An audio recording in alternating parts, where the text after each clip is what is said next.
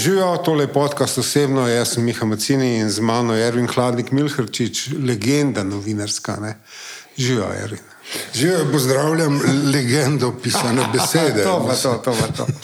Jo, Erwin, jaz sem se pripravljal na ta pogovor, uh, uh, ker, uh, ko ne rečem, uh, Kaj, uh, zdaj v tej propagandni vojni in vojni socialnih omrežij, kjer vsi zdaj eni navijajo za vem, Izrael, eni za Palestino, si rekel, pa de, da se jaz dobim s človekom, ki je bil dopisnik, ki, uh, ki, se, um, ki se spozna na zadeve in da se mi da pogovorijo neke osnove, no, da poveva, ali za ljudi, ki pač to hoče slišati. Zdaj, uh, jaz se spomnim, ti si bil iz. Iz Kajra si bil najprej, ali iz Bližnjega vzhoda? Jaz sem, jaz sem šel leta 95 za dopisnika z Bližnjega vzhoda okay. v Kajro. In sem načrtoval, da bom pokrival pač Bližnji vzhod. Prvo potovanje, tako kot sem prišel, sem šel v Bagdad, ker je imel Saddam Hussein volitve. In je na veliko presenečenje vseh zmagal. A, smo stavili v hotelu Palestina, ki ga je naredil SCT v Bagdadu. Smo novinari stavili in smo rekli, da če bo 95 odstotkov, to pomeni, da se država liberalizira. Ne? Če gre pod 95, so težave, ne? ampak kaj več kot 96 ne bo. Ne? Če pride do 98, pomeni, da Sadam napoveduje spremembe. Ne? Zmagal je 99, vejca 99. okay. Rezultat so pa najavili stopovi, ki so bili pri Tigrisu in so udarili 99 krat in še enkrat 99 krat. Okay. Izjemen dogodek. No, in sem pričakoval pač tako veselo eh, pohajkovanje po Bližnjem vzhodu in pripovedovanje zgodb o, o tem, kaj ta država je. No, In uh, mislim, da sem bil mesec dni. In potem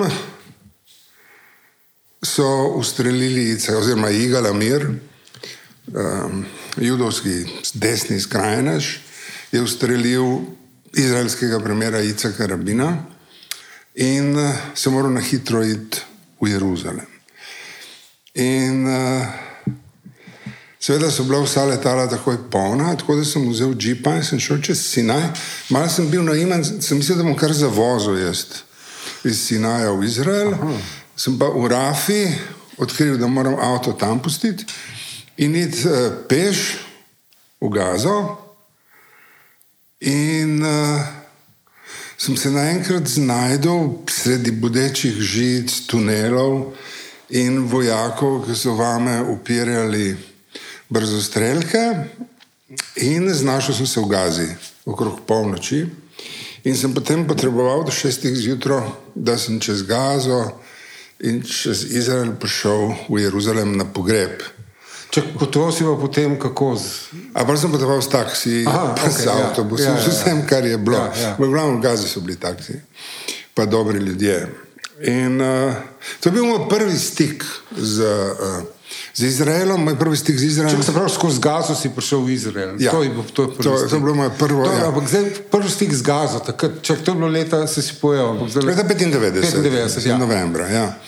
Uh, lej, uh, Aš, jaz sem nekaj sem bral, sem bil mm. informiran.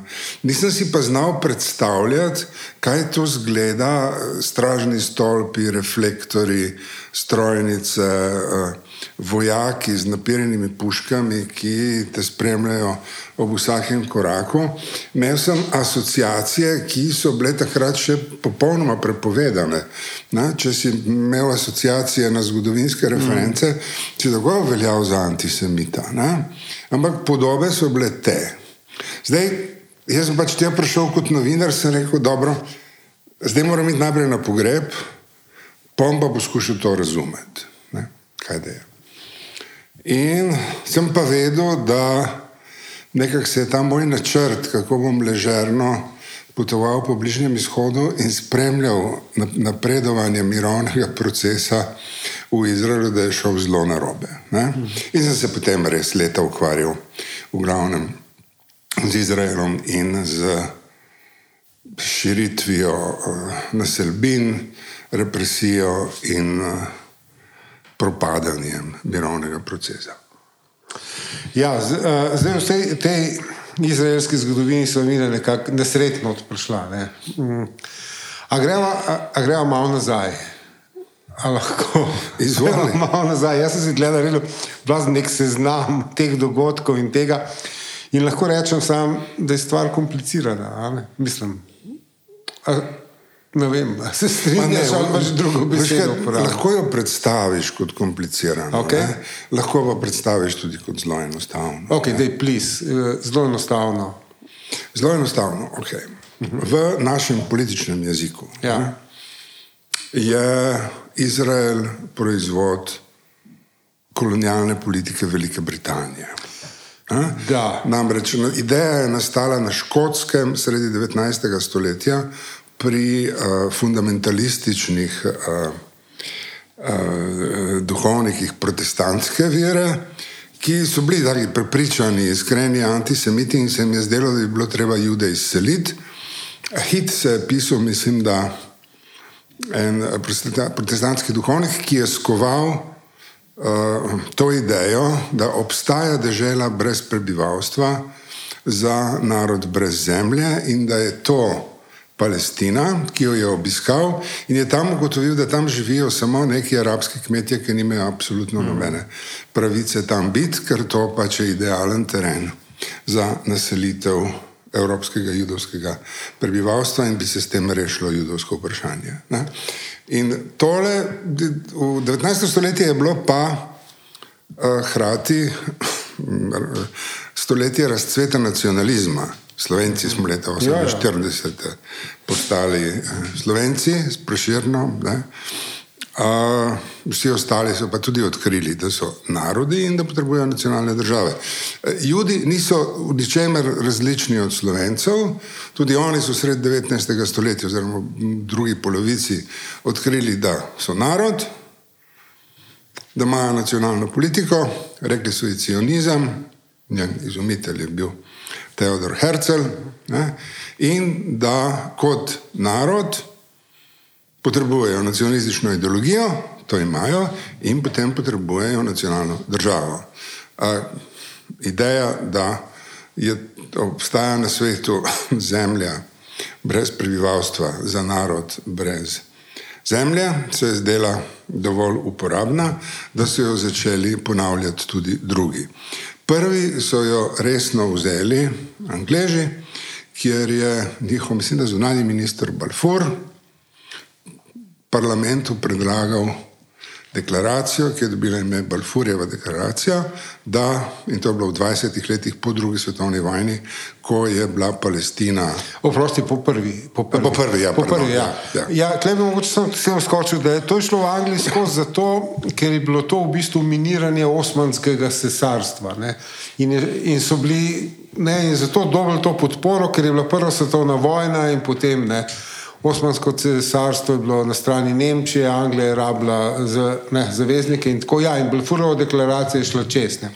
Kjer je pa zelo zvito napisano, tam je napisano, da, mm, eh, da židije rabijo national home, ne, narodni dom. Ne. Veš, eh, jaz sem šel to prav brati, to deklaracijo in tam ne rečejo država, ampak ta national home, karkoli to je. Oprost, prekinil sem te super, si začel to razlagati, res, res, plis, nadaljuj. Ne, Petrska politika do Izraela je vedno polna eufemizmov. Uh -huh. Ker namreč, uh, kaj stoji za, za to neverjetno dobrohotnostjo kolonialnih sil, ki so bile pripravljene takoj po prvi svetovni vojni, ko so razparcerirali otomansko uh, cesarstvo na svoje uh, kolonije, pripravljeni uh, odstopiti en del. -huh tega bogatstva um, judovskemu prebivalstvu. Zdaj je stoletja antisemitizma evropskega, ne, ki si ga niso domislili Nemci, ampak je bilo doma v Rusiji, v Ukrajini, na Polskem, v Sloveniji, kjerkoli, pač eno cela Evropa. Je bila, uh, je bila antisemitska, ker so pač ljudi razumeli kot uh, manj vredne prebivalce tega kontinenta, vključno recimo z Marijo Terezijo, ki jo mi slovimo kot razsvetljeno cesarico. Ne? Tako da, ljudje so v Evropi imeli problem, ne vsi sicer, ne, ampak dovolj, da so sprejeli uh, idejo nacionalne države kot uh, rešitev uh, judovskega vprašanja, kot je temu rekel Marx. Ne. Nekaj v tem, da je evropski kontinent samega sebe razume kot inkompatibilnega uh, z judovstvom, vsaj od, od, od izgona judov iz Španije. Ne, pod, to isto cesarico, ki je potem Ameriko dala odkriti. In uh, Ferdinand in Izabela, mislim, da sta bila uh -huh. ja. tam v 15. stoletju. Skratka, to zgodba ima predzgodovino. Ne? In uh, po prvi svetovni vojni so se ljudje začeli naseljevati v angliško kolonijo. Angleži so to, imeli, nekaj časa se jim je zdelo, da je to smiselna politika, potem so ugotovili, da je to jim povzroča notranje uh, napetosti v državi, ker se namreč ljudje niso uh, naseljevali kot uh, miroljubni kmetiči, ki so prišli tja obdelovati. Uh, zemljo brez prebivalstva, ampak so vzeli tisto, kar se je vzelo dati. Začeli so zaplenjevati zemljo najšipkejšemu prebivalstvu, to so počeli z orožjem v roki in so začeli ustanavljati svojo vojsko. Pred različnimi imeni, kot je Šterngang, ki je bila ena, ne, um, potem je Hagana, veliko organizacij oziroma oboroženih skupin je nastalo, ki bi jim tam se rekli eh, teroristične organizacije, ampak eh, iz uljudnosti se reče, da so to oborožene skupine, ne, ki, so, uh, ki so pač zaplenjene zemljo in uh, uh, poskušale skrčiti teren za nacionalno državo, vključno z institucijami. Obstajala je judovska agencija, ki je vabila ljude iz Evrope, naj se preselijo v Izrael, organizirala potovanja, finančno in logistično pomagala in potem pomagala pri prilagoditvi v Izraelu. Ampak zveni komplicirano, ampak v resnici je to precej standardna tehnika kolonialne naselitve. Ja, pa vse Ameriko so se tako naseljevali. Ja, pa, pa so tudi ja. Rodezijo, Južno ja, Afriko, ja, ja, ja. skratka, ja. um, Francozi, Alžirijo. Ne? To je precej preprosta kolonialna operacija. Rabiš samo boljšo organizacijo in močnejšo vojaško silo. Uh, In um, toleranco gospodarja prostora. Ne. Mogoče veste, se nekaj dodal, uh, uh, da to, da pripomogli k temu naseljevanju tudi to, da pač so se vse te evropske države želeli znebiti judov. Ja. Ja, in tle se jaz spomnim, uh, mislim, da ima to Amos Os o svojemu detku, se mi zdi, ne? odličen pisatelj, eh, izraelski, o svojemu detku. Ne? Ta dedek ni hotel iti v, v Palestino, on ni hotel, njemu se je to zdelo, da gre med neke divjake, on je hotel ostati v Evropi ampak ga Ben ni hotel vzeti. In je bil tako obupan, da je eh, leta 1933, dva meseca prednji Hitler prišel na oblast v Nemčiji, je, je on uh, zaprosil, če bi ga Nemci sprejeli ne, in so ga na srečo odklonili na obisku. Tako da so bili, eni so šli seveda z veseljem, eni so bili prisiljeni, ampak ja, število teh prebivalcev je raslo in raslo. Okay. Ja, ja, zdaj moram za poslušalke, poslušalce povedati, da to te zategli, obupani glasovi, to so pes, ki se hoče pobožati. Ne? To denar, mislili, da mi dojamemo, med, med pogovorom.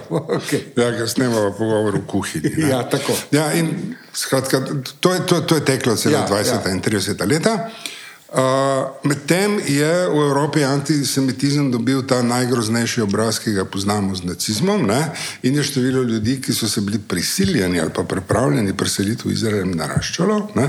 Hrati je naraščal tudi odpor uh, arabskega prebivalstva, zato ker so pač hitro razumeli, Eh, kaj to pomeni. Hrati je prišlo do zadržanosti Velike Britanije, ki je vedela, da se bo upletla v še eno veliko vojno in ni želela med državljanske vojne v eni od svojih kolonij, v katero se bo morala upletati.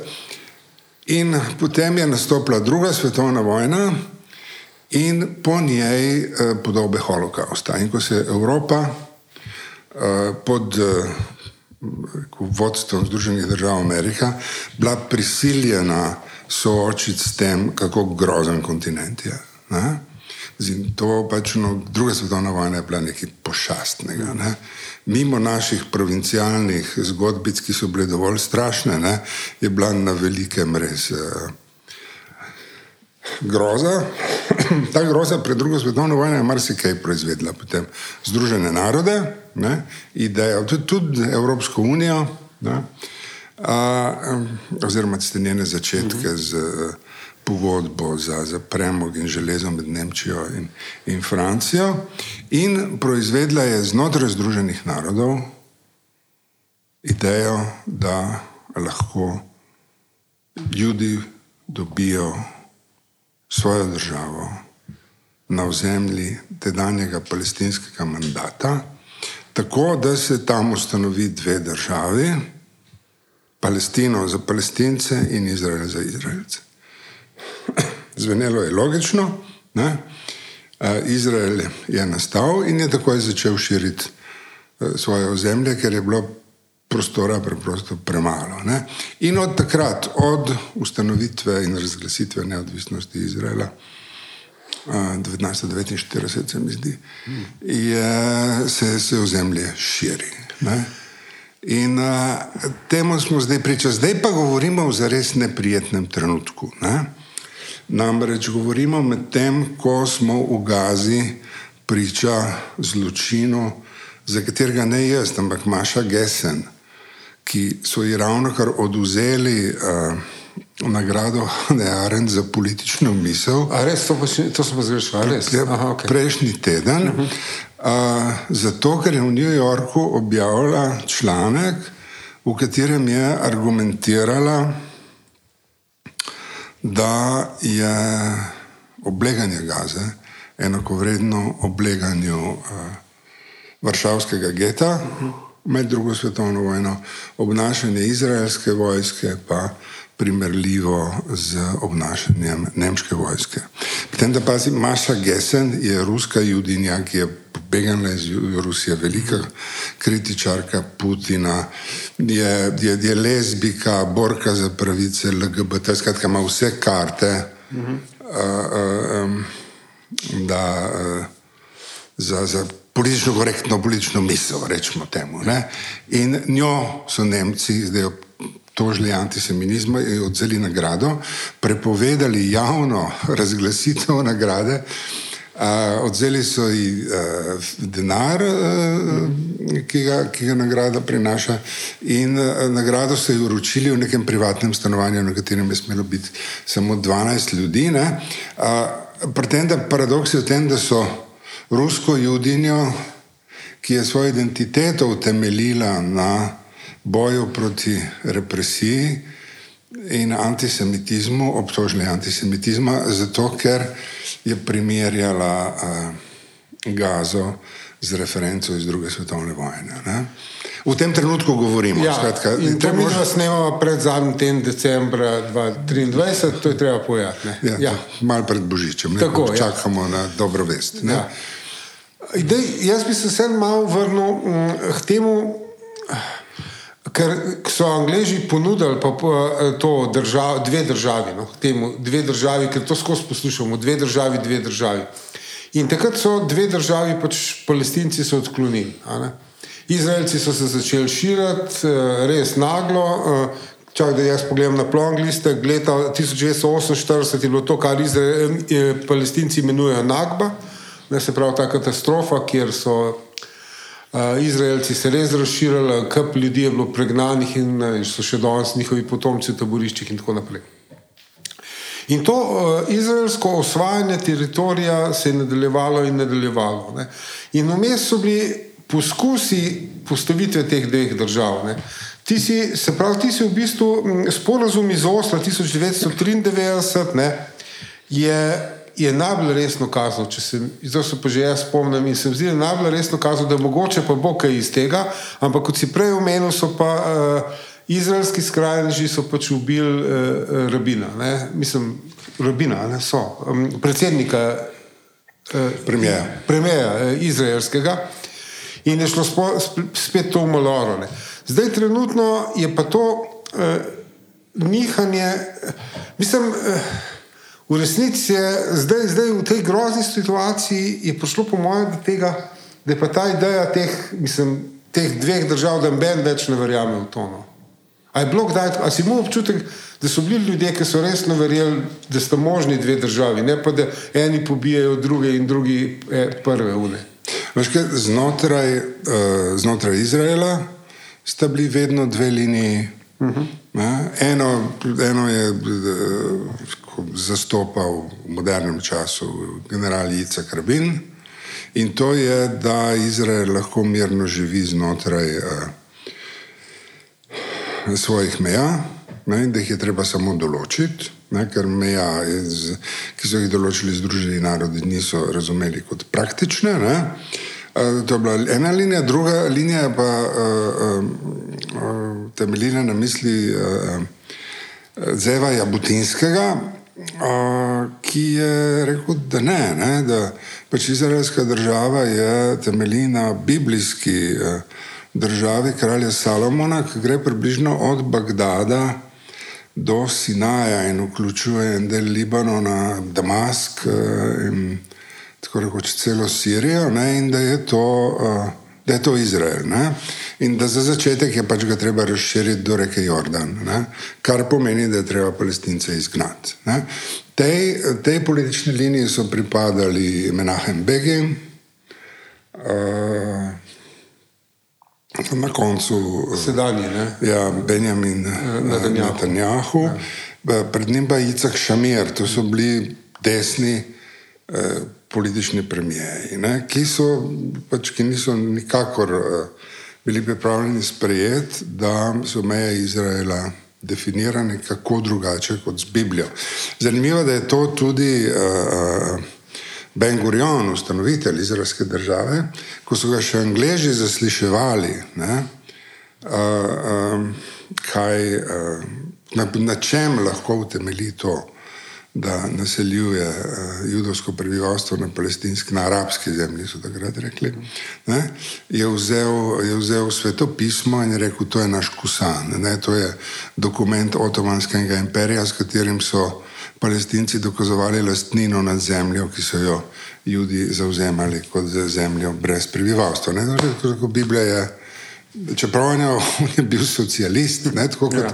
večina ustanoviteljev Izraela, ne, in so Izrael ustanovili kot eh, sekularno, laično državo, uh, ampak eh, zemljevid je bil pa vedno je temeljil na biblijskih zgodbah in je imel to, da ali bi večnosti za sabo.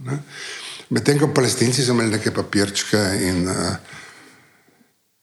razlage, da, da Hebron, eh, El Halil, kako oni temu rečejo, ne, Tulkarem, Jeruzalem, ne, Jeruzalem, El Kuc, rečejo arabci, ne, Džafa, to Haifa.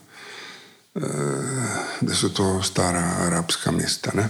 Ampak, eh, veš, jaz mislim, da te, te zgodbe so sicer zelo zanimive. Ne?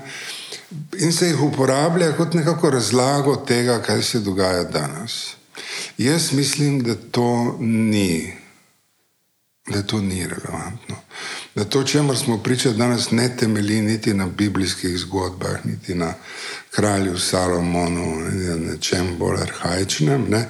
niti na holokaustu, ne? ampak preprosto na državi, ki je tam nastala ne? in je, ima imperialistične uh, ambicije razširitve svojega ozemlja um, na ozemlje drugih držav, jih tudi ne skriva, prav preveč, in da je metoda, s katero lahko najprej razširijo svoj življenjski prostor, izgon palestinskega prebivalstva. Čeprav je pa hkrati res, da si nihče, vključno z mano, ki sem nekaj od tega videl od blizu, ni znal predstavljati, da je izraelska država tudi pod vlado, ki je tako močno obarvana z radikalnimi, fundamentalističnimi verskimi ministri, sposobna preprosto eh, izvajati genocidno politiko pred očmi celega sveta. Kar je pa še bolj presenetljivo, ne, da bo Evropska unija prekrižala roke in rekla: Ma ja, dobro. Da je to opraviti do konca. Uh, jaz sem bil v oktobru v Frankfurtu na knjižnem sejmu. Me je zelo presenetilo, ker sem uh, preletel v Frankfurt in so bili povsod ti ogromni posteri in plakati, izraelska, nemška roka se rokujeta in vedno smo z vami in tako naprej. Ne. Dobro, ampak to, uh, jaz bi vsem tle, uh, aha, mogoče vsem malo za tiste, ki. Uh, Deva se glede te geografije, ne? kaj je zdaj od Palestine? Palestinci so v bistvu ostali na dveh, na dveh področjih. Ne? Dol ob morju je Gaza ne? In tam v dolini Jordana je pa Zahodni breg. To sta te dve področji, ki so še ne. Vmes so pa neka taka malo siva cona, kjer pa uh, Izrael te naselbine gradi uh, prav namenoma in si s tem pr, v bistvu prelašča to zemljo. Jaz, ko sem to bral, te, eh, ta, njihove, te mislim, dokumente, ta poročila, mene je zelo presenetilo, kaj izraelski politiki dejansko rečejo, da ja, to bomo zdaj zgradili in čez sto let bo to vem, naše, ali pa čez dvesto let bo to, to pa to ne.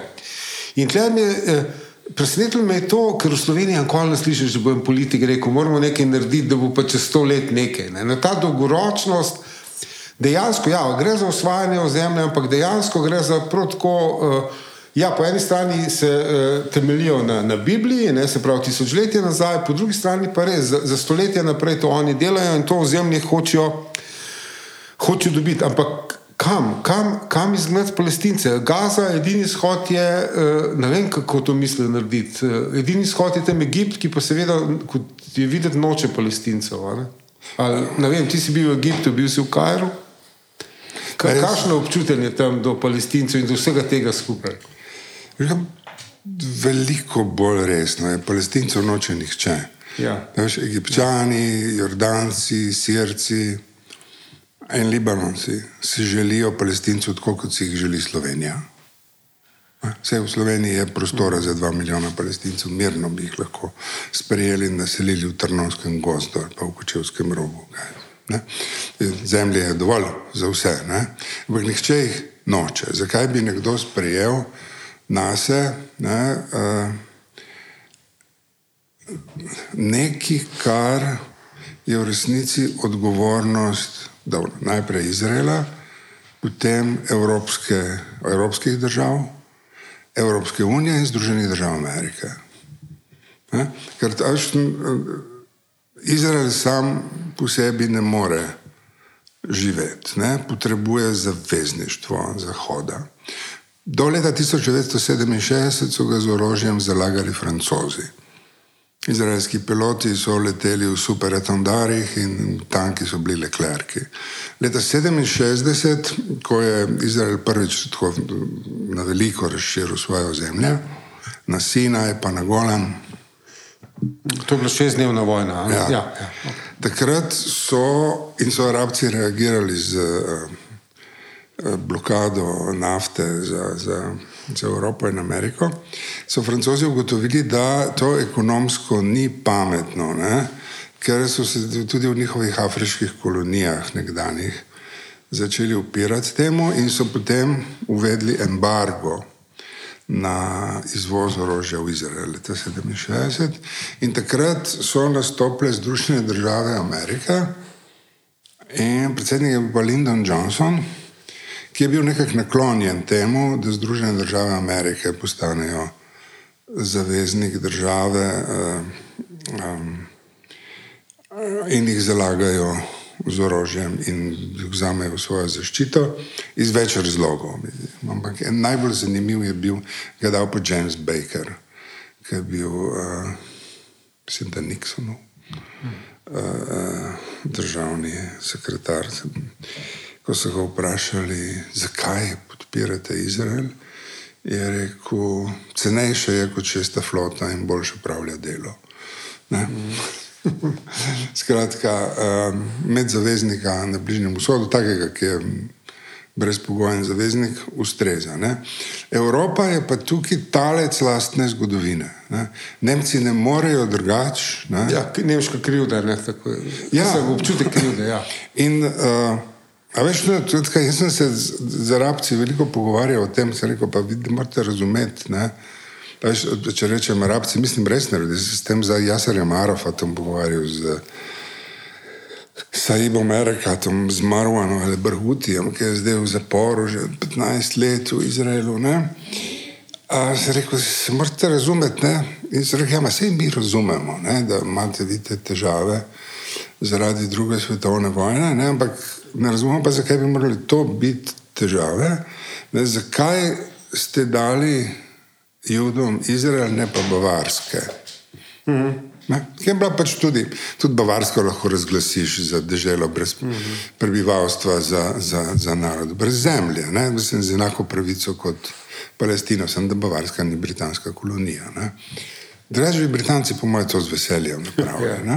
uh, to uh, z arabske strani se, se je Evropa poigrala z njimi. Ne? Veš, tako je pač malo uh -huh. risala črte po zemljevidu, razlaga, da to je moje, to je vaše, tle bomo pa naše jude naselili. Ne?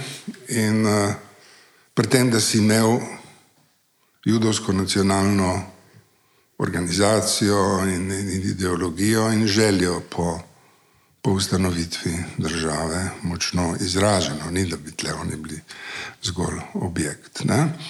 In, in Te reči so se upadle, pa je pa nastopil problem, ker so se palestinci naenkrat uprli med intifado. In to ravno, ko je bil Icak Rabin, general, ko je bil poveljnik Gaze. Ne?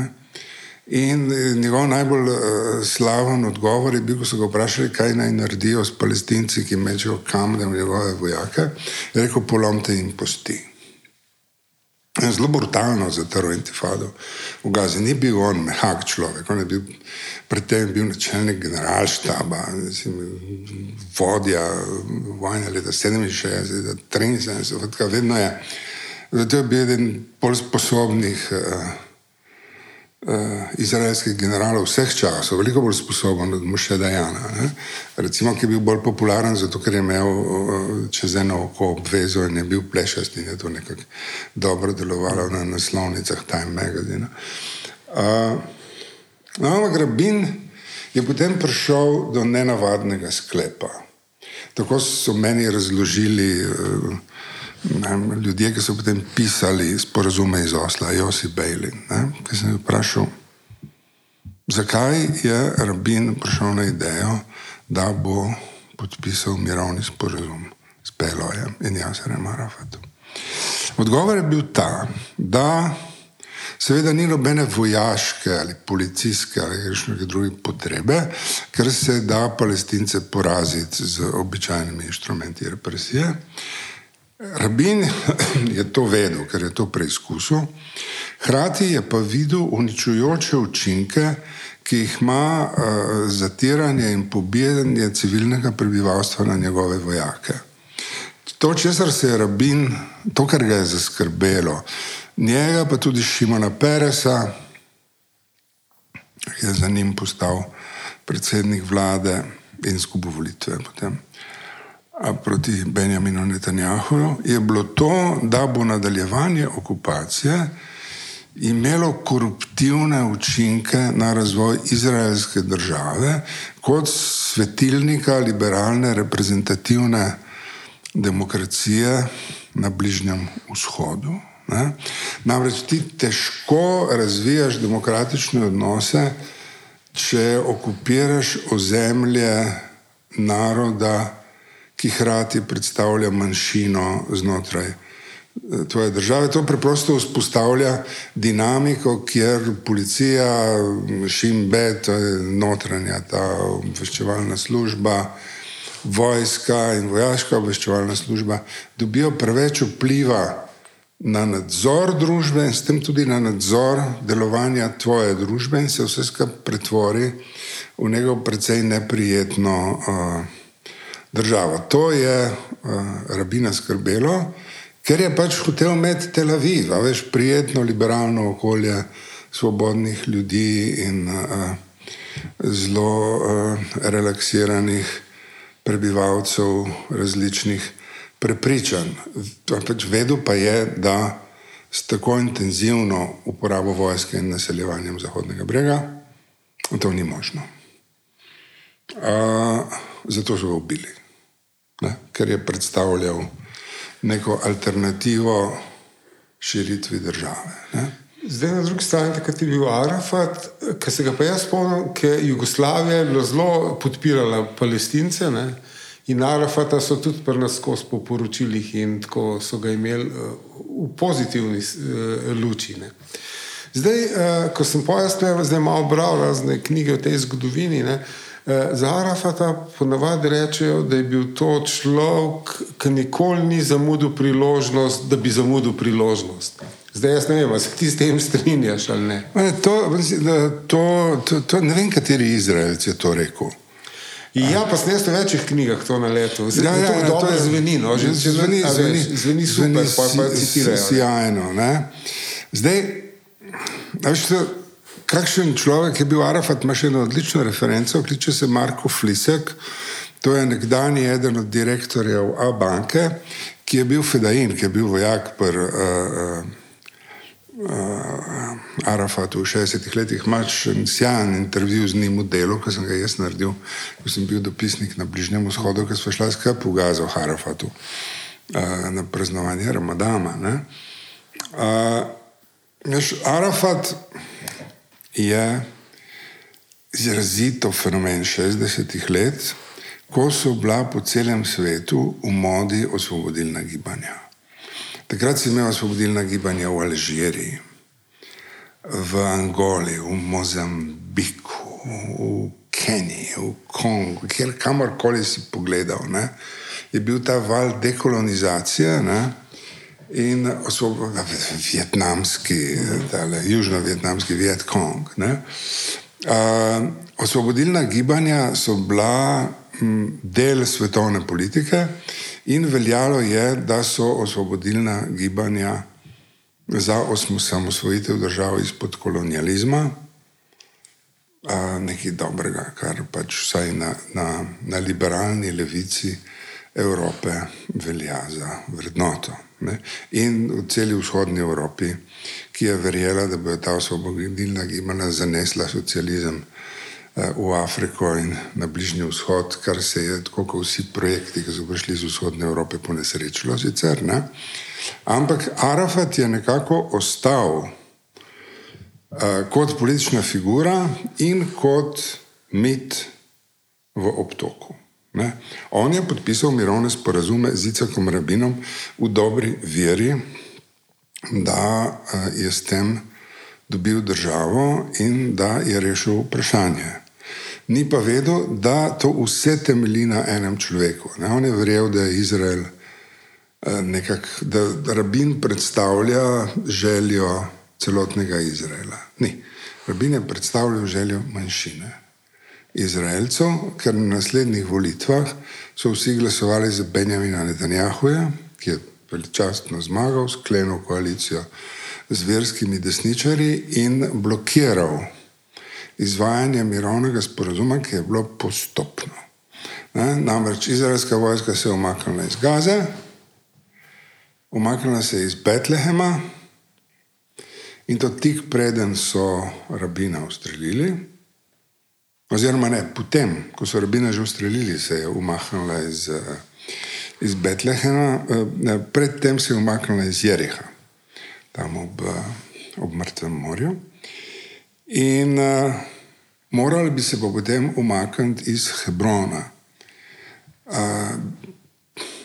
da je že med predvoljeno kampanjo zagotovil, da umika iz Hebrona ne bo. Uh, in je to obljubo izpolnil brez vsakršne rezerve. Ker ni bilo umika, je v Hebronu prišlo do upora, ker je prišlo do upora, so po tleh ležali mrtvi, v glavnem palestinci. In to je sprožilo to, če mu rečemo, naseljevanje judovskega prebivalstva na Zahodnem bregu. Tehnično temu tako rečemo. V resnici gre za kolonizacijo. Uh -huh. Ko je Netanjahu uh, zmagal na volitvah, je bilo na uh, Zahodnem bregu okrog 30 tisoč judovskih naseljencev. Med izvajanjem mirovnega procesa se je tja naselilo še 700 tisoč. Tako da zdaj je razmerje med Judi in Palestinci na Zahodnem bregu že približno ena proti dva. Tam je dva milijona palestincev in nekaj več kot 700 tisoč judov, ne? z načrti za izgradnjo novih mest, ki bojo to pripeljali do milijona. Ampak to ne gre samo, da rečemo naselbine, veš, to so utrjena mesta na hribih, do katerih vodijo ceste, po katerih palestinci ne smejo voziti, ne, ki križajo njihove komunikacijske poti, na katerih so potem vojaške nadzorne točke. Vsa njihova zemlja so pa razparcelirana na, na, na, na, na, na, na drobna mesta, naselja in vse skupaj je pod vojaško okupacijo in čaka na izselitev.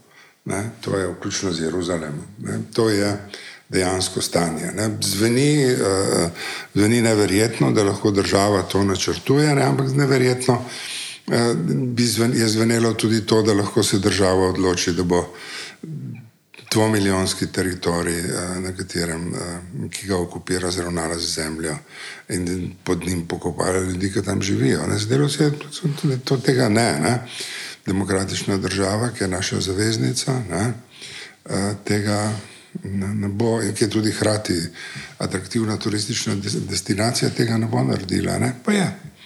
Ja. In zdaj, daško, zdaj smo v veliki zadregi. Ne. Na eni strani ti lahko pogledaš na Gazo skozi to veliko zgodovino in rečeš, da je tragična zgodba dveh velikih narodov. Ne. Ja, mislim, lahko. Na drugi strani pa tako rečeš, ne, to je popolnoma pragmatična operacija države, ki potrebuje nadzor nad ozemljem in noče uh, imeti uh, teh sitnosti in nenehnih uh, s prebivalstvom, ki tam živi. Pre, na začetku si rekel, da je stvar komplicirana. Veš, vse je. Ne? En moj albanski prijatelj je enkrat, ko sem ga sprašil, ko je bilo 17 mrtvih nekje, sem rekel, pa to je, to je velik, ne? mislim kako, kako, težko je ubiti 17 ljudi. Ne? In on mi je odgovoril, Erwin, pa normalno, težko je ubiti ovco. Veš, kako težko je ubiti človeka. Da jih pobiti 20 tisoč v par tednih.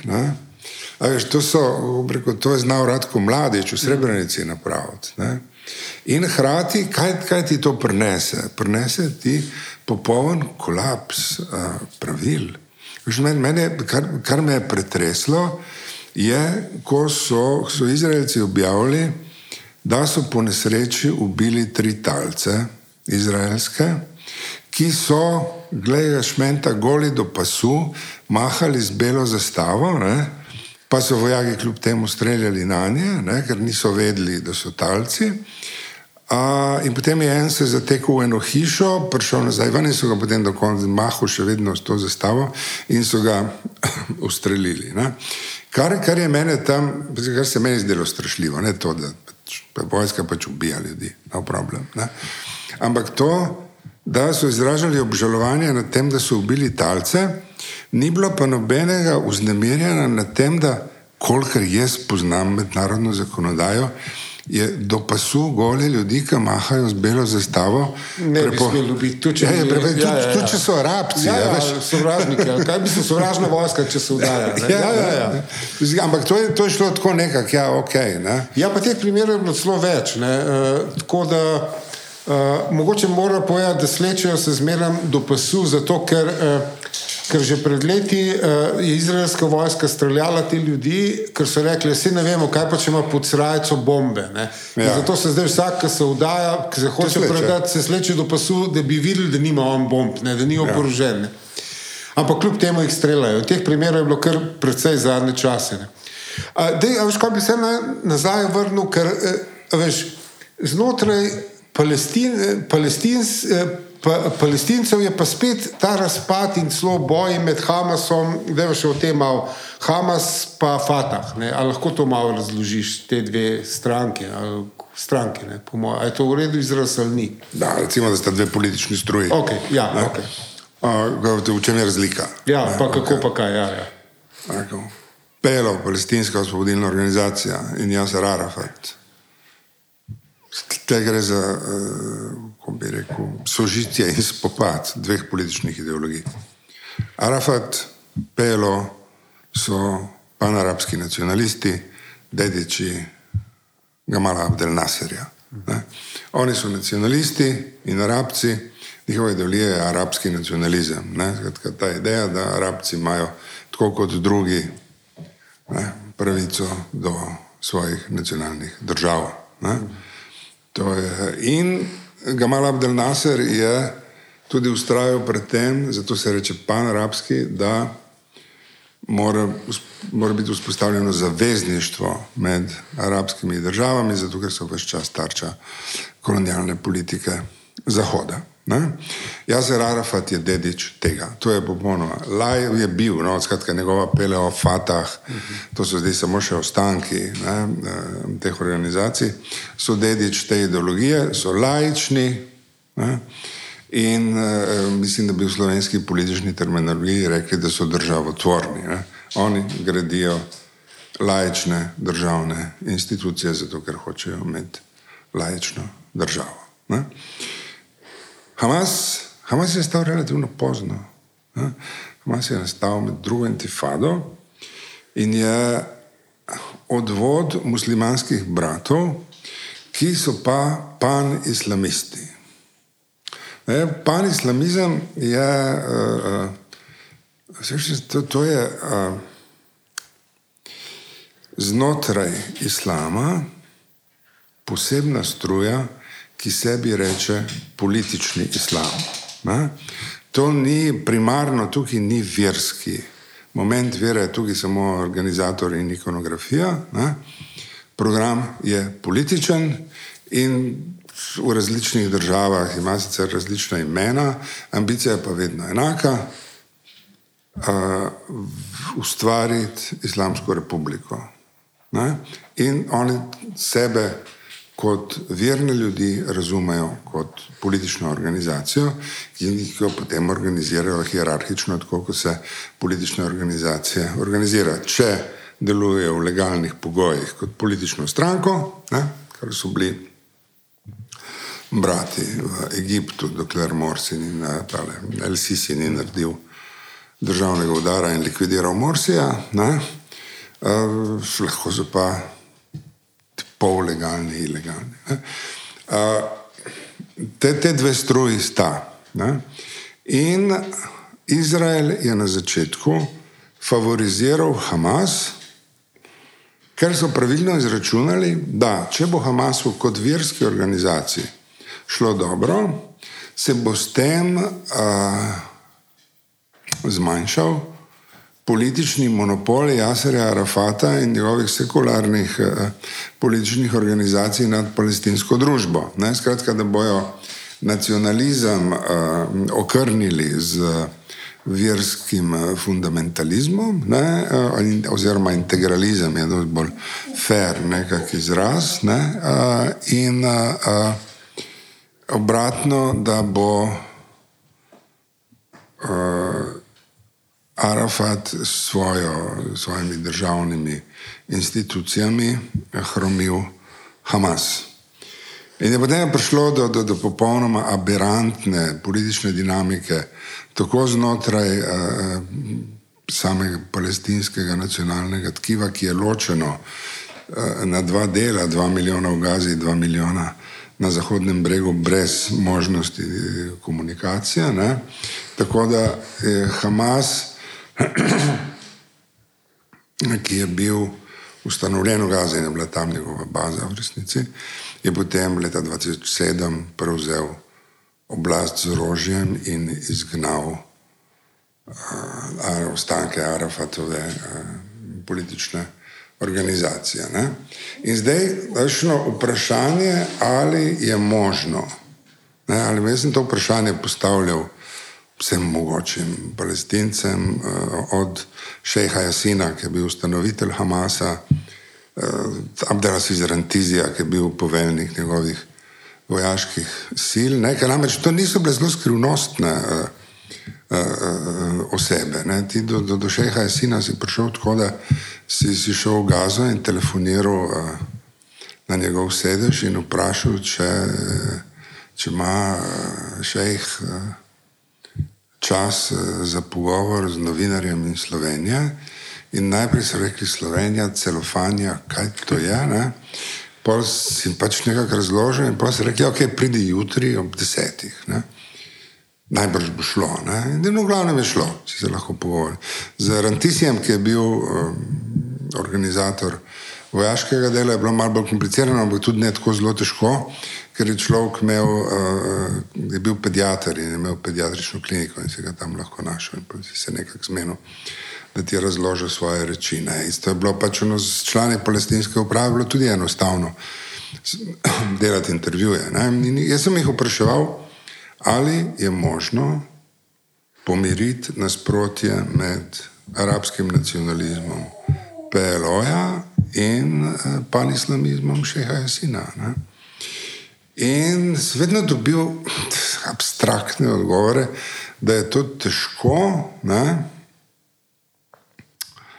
čez kupice razlogov. Ne?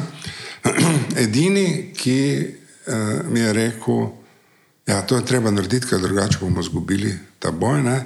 Je bil Marwan el-Barguti, on je bil šef uh, Fataha za, uh, za Zahodni breg.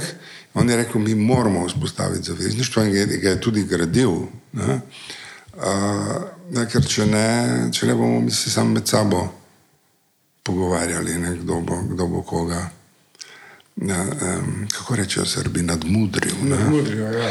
ja. In, uh, In je, in je v tej smeri tudi delo, zato so ga med drugo intifado aretirali in obsodili na pet doživljenjskih zapornih kazni.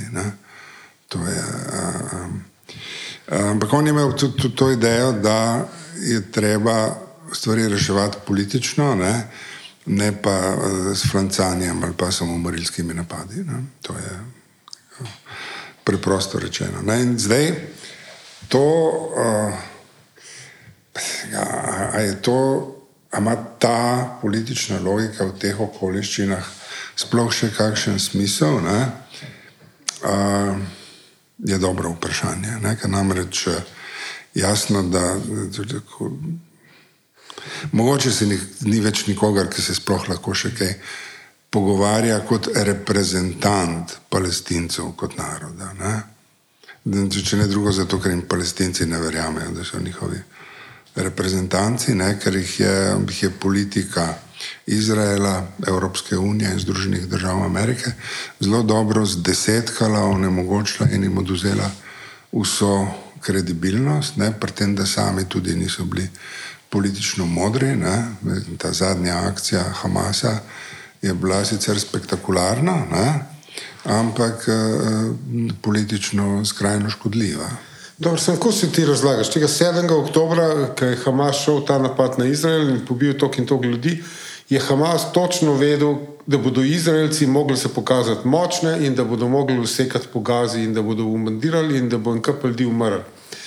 Jaz si to razlagam, da so pač rekli, ok, ampak eh, Izrael bo s tem zgubil eh, imič, ne, da tako rečem, in pod, s tem podporo Amerike ali pa da na to igrajo. Jaz si drugače ne znam to razlagati. Mm, kaj, meni se zdi tako, da ne, ne vem, če, če treba za nazaj okay. uganjevati, kaj je kdo mislil, preden se je kaj zgodilo. Pazi, jaz si ne znam predstavljati, kaj se bo zgodilo jutri v Gazi. Okay. Uh, tako da to, jaz ne vem, kaj je kdo v Hamasu mislil. Uh, uh, edini, ki ga tam še poznam, je Gazi Hamad, on je racionalen človek, ne? ni, ni nagnjen uh, samomorilnosti. Toške, Ta napad je bil vojaški napad, ki ga je izvedel Mohamed Dejf. Mohamed Dejf je ena misteriozna figura, ki je vodja vojaškega krila Hamasa in je precej osamosvojen od političnega vodstva. Hamasa. Ne? Tako da, veš, pričakovati, da je Hamas država, kjer obrambno ministrstvo in obrambni minister nekaj načrtuje in potem to izvedete v skladu z uh, navodili nekega vodstva, je mogoče kljub vsemu malo, malo, malo pretirano. Uh, Meni men, men se zdi, da Hamas je vedno v trenutku, ko je bil Bibi Netanjahu v krizi, nastopil z nečim, kar mu je pomagalo. -huh. Namreč. uh, Odvrnilo je pozornost od drugih problemov ne? in uh, je postavilo Hamas kot takšnega ali drugačnega sogovornika izraelski državi. Zdaj, mislim, da so zdaj začeli izgubljati ta status. In da so, če, če, če, če razmišljamo o načrtu, so hoteli status sovražnega številka ena ponovno vzpostaviti, kar jim je uspelo bolj, najbrž kot so pričakovali. Ne?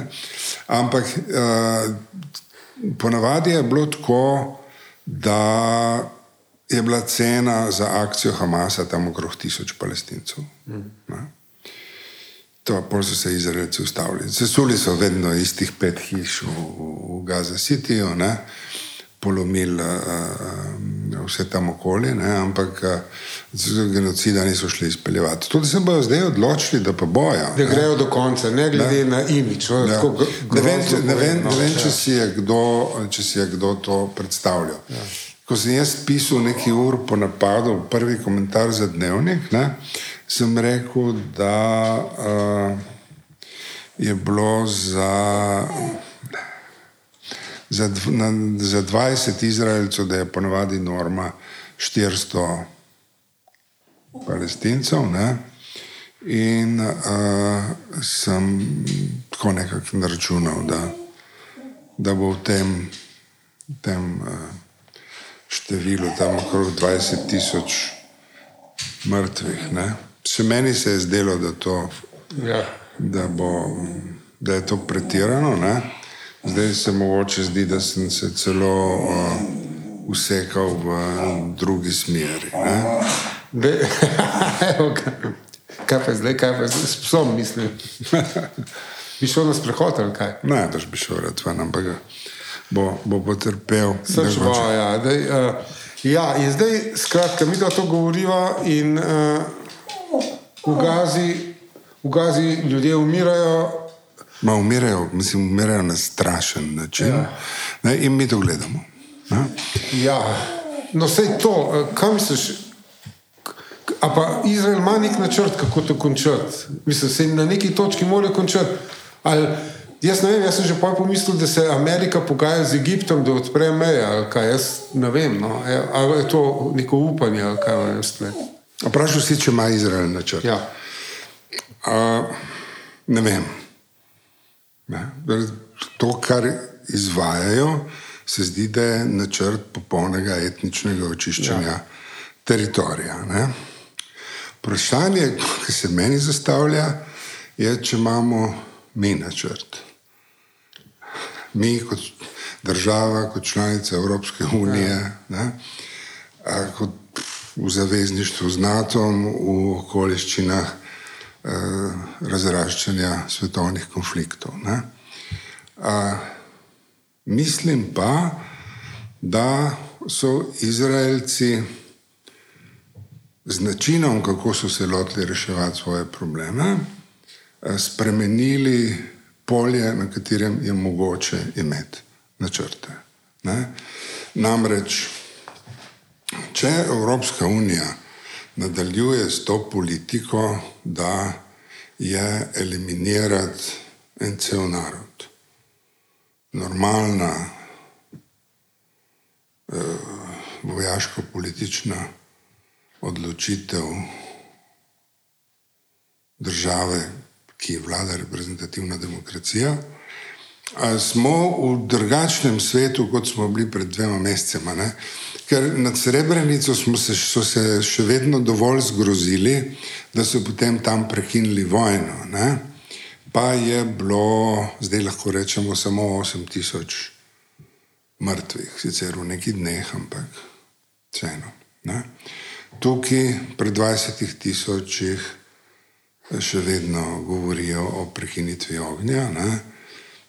Uh, ampak to znotraj tega je pač, jaz mislim, politično treba razmisliti o tem, ali, oziroma ne razmisliti. Treba je vzpostaviti nov sistem pravil, s katerim se vsi strinjajo. Ne? Namreč s tem, da z genocidom se ne moreš strinjati kot z normalno uh, vojaško in politično reakcijo na karkoli. Ampak veš, si opazil, da smo skoraj neopazno sprejeli idejo, da je 120 tisoč armencev bilo pregnanih eh, voja, z vojaško silo iz Gornjega Karabaha, ne, ne da bi kdo uh, niti vljudno opozoril Azerbejdžan, da to ni bilo lepo. Konsekvenc ni bilo nobenih. Uh, tudi rekel, konsekvence za rusko okupacijo Krima so bile tako rekoč nevidne. Ne? Zdaj, šele direktna pač zasedba in vojaška invazija je nekako sprožila neko dovolj blago reakcijo, da to pa ni, da ne bomo Rusom pustili, da se tako hecejo. Ampak eh, vsi, ki so tukaj akteri, so pač rekli, to, to ni vaš problem, to, to, to so pač naše odločitve.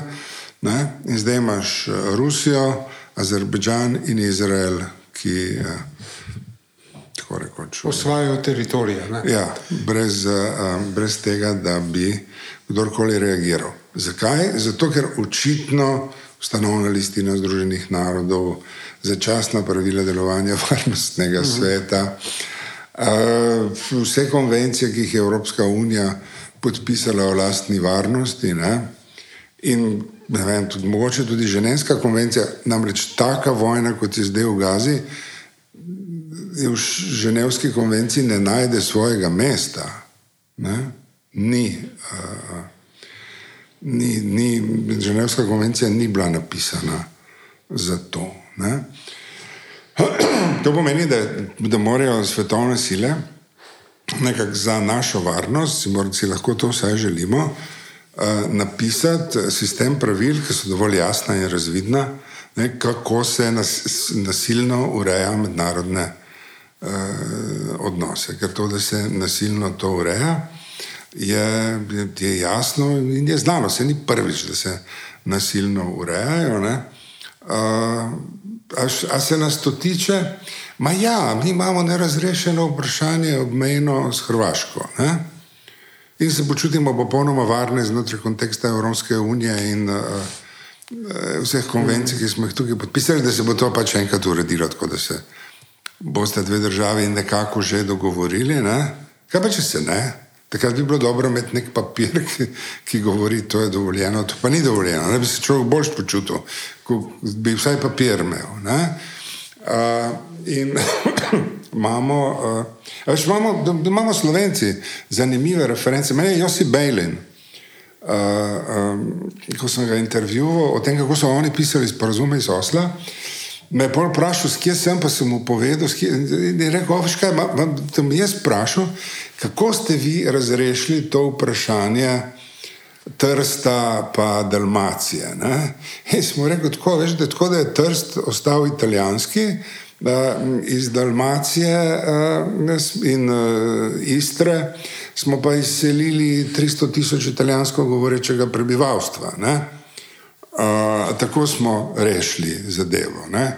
Zdaj, uh, odvisno, koga vprašaš. Če vprašaš slovence, ki so ostali v Trstu, ne, so ambivalentni do tega, da je to bila pametna rešitev. Če vprašaš italijane, ki so bili izseljeni iz Dalmacije in Istre, ti pa tudi ne bojo rekli, da je bila to briljantna rešitev, ampak je bila je dobra rešitev za uh, države, ki so hotele imeti. Uh, uh, urejene uh, meje med sabo. Ne? In uh, tako je vedelo, da ti na čem temelji uh, uh, meja med Slovenijo in Italijo. Temelji na osemskih sporazumih, mm. ki sta jih podpisala Italija in Jugoslavija. Ne? In tako, jaz se zanašam, da Veljajo. Ja, ne, boš da veljajo. Mislim, za me je v redu. Če, ja, ja. Pa, ampak ne vem pa, če mednarodni papiri še veljajo. Če ustanovna listina Združenih narodov, rekel, literarno delo, ne, kaj, kaj je z ostalimi dokumenti? Ja, sem to je nek znak, eh, to se zmerno zgodi, ker nek imperij ali propada ali se umika ali kakorkoli. Poje vsi začnejo plesati, ne, veš, se, ne, po svoje. Ne. Uh, in zdaj pač vsi gledamo v Kitajsko, na, na Kitajsko, kaj bo zdaj s Tajvanom in tako naprej. Ne. upam, uh, uf, mater, mi imamo to prednovoleten pogovor. Ne zvenijo najbolj optimistično. Deva se zmeniti tukaj, ja. preden končava, da konca sveta ne bo. Ne? Važi, velja. Kar se mene ti, jaz sem za. jaz sem za, da ne škoda. Čakaj, ima še kaj za dodati, ker mislim, da je šlo lepo skozi. No. Ja. In dejansko s tem, ko sem jaz začel biti kompliciran, ja, kompliciran se mi zdel, ker sem vse te vojne spopade tam gledal in je kompliciran. Po resnici dejansko je to boj za teritorij. ne. Mislim, vse Pa, vojne so vojne za teritorij. ne. V principu, ja, Da mislim, in rekel, takoj- Ampak ta je izrazito. No. Ja, to pa je od vsega začetka tako nastavljena ne, Ja, ja. in se tako razvija. Če jo tako pogledaš, je vse logično. Ja. Če pogledaš z katerega koli drugega aspekta, se komplicira. Ne. Ampak vprašanje, veš, na katerega sem jaz moral vedno odgovarjati v Izraelu, ne, ko sem gnjavil, pa zakaj to, pa zakaj uno. Pa, Šel gledati, kako uh, gradijo naselbine, pa, pa hotel videti zapore. Pa to. Sem rekel, pa zakaj je tebi to važno? Sem rekel, kako zakaj mi je to važno? Ampak ti imaš državljansko vojno v Kongu. Ne? A, zakaj se s tem ne ukvarjaš? Imaš državljansko vojno v Južnem Sudanu. Ne? Pa sem šel tja pogledat, ne? ampak v resnici o, o Južnem Sudanu nikogar ni zanimalo, kaj imam za napisati. Medtem ko o, o, o tem pa ja. Ne? O, Palestini in Izraelu. Ne? In sem se tudi jaz začel vpraševati, zakaj je to važno. Ne? Zakaj je rekel, palestinski boj za osvoboditev izpred okupacije nekaj, s čimer jaz živim praktično, odkar sem se rodil. mislim, ne. To, kako rekel, ta, to vem, da paženo, v poročilih ne, je to vedno bilo, ne, kako poteka. Ne. Zakaj je to važno? Ne? In sem prišel do sklepa, da je važno. Veš, zdaj, zdaj bo v nedeljo bo Božič in seveda Božič je rodil v Betlehemu, ki je na okupiranem ozemlju na Zahodnem bregu za obzidjem. Ne? In če ti Božič eh, pomeni vrednoto v tvojem življenju in eh, jemliš Kristusa kot svojega osebnega odrešenika, potem ti je seveda važno, kaj se dogaja v njegovem rojstnem kraju. ne. Skratka, Če, če ti je zgodovina eh, krščanskih eh, ozemelj važna ne, se ti zdi, da so bile križarske vojne eh, inteligentne vojaške operacije, tudi hočeš vedeti, kakšna je dediščina ne, krščanskih kraljevin na Bližnjem vzhodu. Če si, če si antikolonialno razpoložen, ti je seveda celotna zgodba eh, kolonializma in antikolonializma nekaj, kar te nujno najprej privede v te kraje. ne. Eh, In skratka, vsak lahko najde razlog, zakaj ga prav Palestina in Izrael zanimata, medtem ko državljansko vojno v Centralnoafriški republiki lahko ignorira in niti ne ve, kdo so njeni akteri. Ne? Tako ali drugače je to naša zgodba. Ne? Zdaj, a, težava, ne, ki jo imamo, je, da če politično razmišljaš, se ti potem zaplete to, čigav zaveznik si. Ne? Če pa razmišljaš ne politično, ne, veš, no, kot človek, ki je zaskrbljen za usodo človeštva, pol ti bolj malo ostane, razen zgroženosti nad tem, da je to možno. Ne. In tukaj se mi zdi to, kar Maša Gesem pravi, zanimivo, ko pravi. Veš, po holokaustu smo govorili nikoli več, ne bomo dovolili, da se to še enkrat zgodi. A, po srebrenici smo govorili, da nikoli več, ne, nikoli več ne bomo dovolili tega. Ne. In ona pravi, če hočemo vedeti, česa ne bomo dovolili, potem moramo definirati to, kar se dogaja zdaj. In jaz mislim, da se mednarodna politika in mi vsi izogibamo temu, da bi z jasnimi besedami definirali to, kar gledamo, da se dogaja v Gazi, in vijemo roke, da je nespremljivo, strašno, eh, grozljivo in tako naprej. Ne? Uh, ampak vprašanje je, kaj to je. Rekel, kaj, kaj to govori uh, o naši civilizaciji? Odgovor ni prav pretirano svetu. Ne? Namreč indiferentnost je hujša kot navijanje. Ne? Ja, Ja, v principu ja. ja ker omogoča vse drugo. Ja. Ja. O, zdaj bo pa za vlado težek mok. Ali, ali zaključujem. Jaz mislim, da so super, mislim, da si res super, eh, super si povedal vse te osnove, ki jih je pač preprosto treba vedeti. Uh, Erlen Kladnik Milhrčič, hvala, legenda. Evo. Hvala tebi, legenda. Zdaj se že treplava drug drugega. No, zdaj ja. bi psa treplala. ja. okay. Psa smo nagnali. Okay. psa smo nagnali, ja, vmes. Okay, to je bil podcast osebno, jaz sem Miha Macini, da si bil gost Erlen Kladnik Milhrčič. Mm, govorila smo o Izraelu in Palestini. Uh, vem, lahko se na podcast naročite, klikate, vse vse veste, kaj lahko počnete. Uh, in srečno in zdravo, želiva, lahko rečem. Ok, adijo.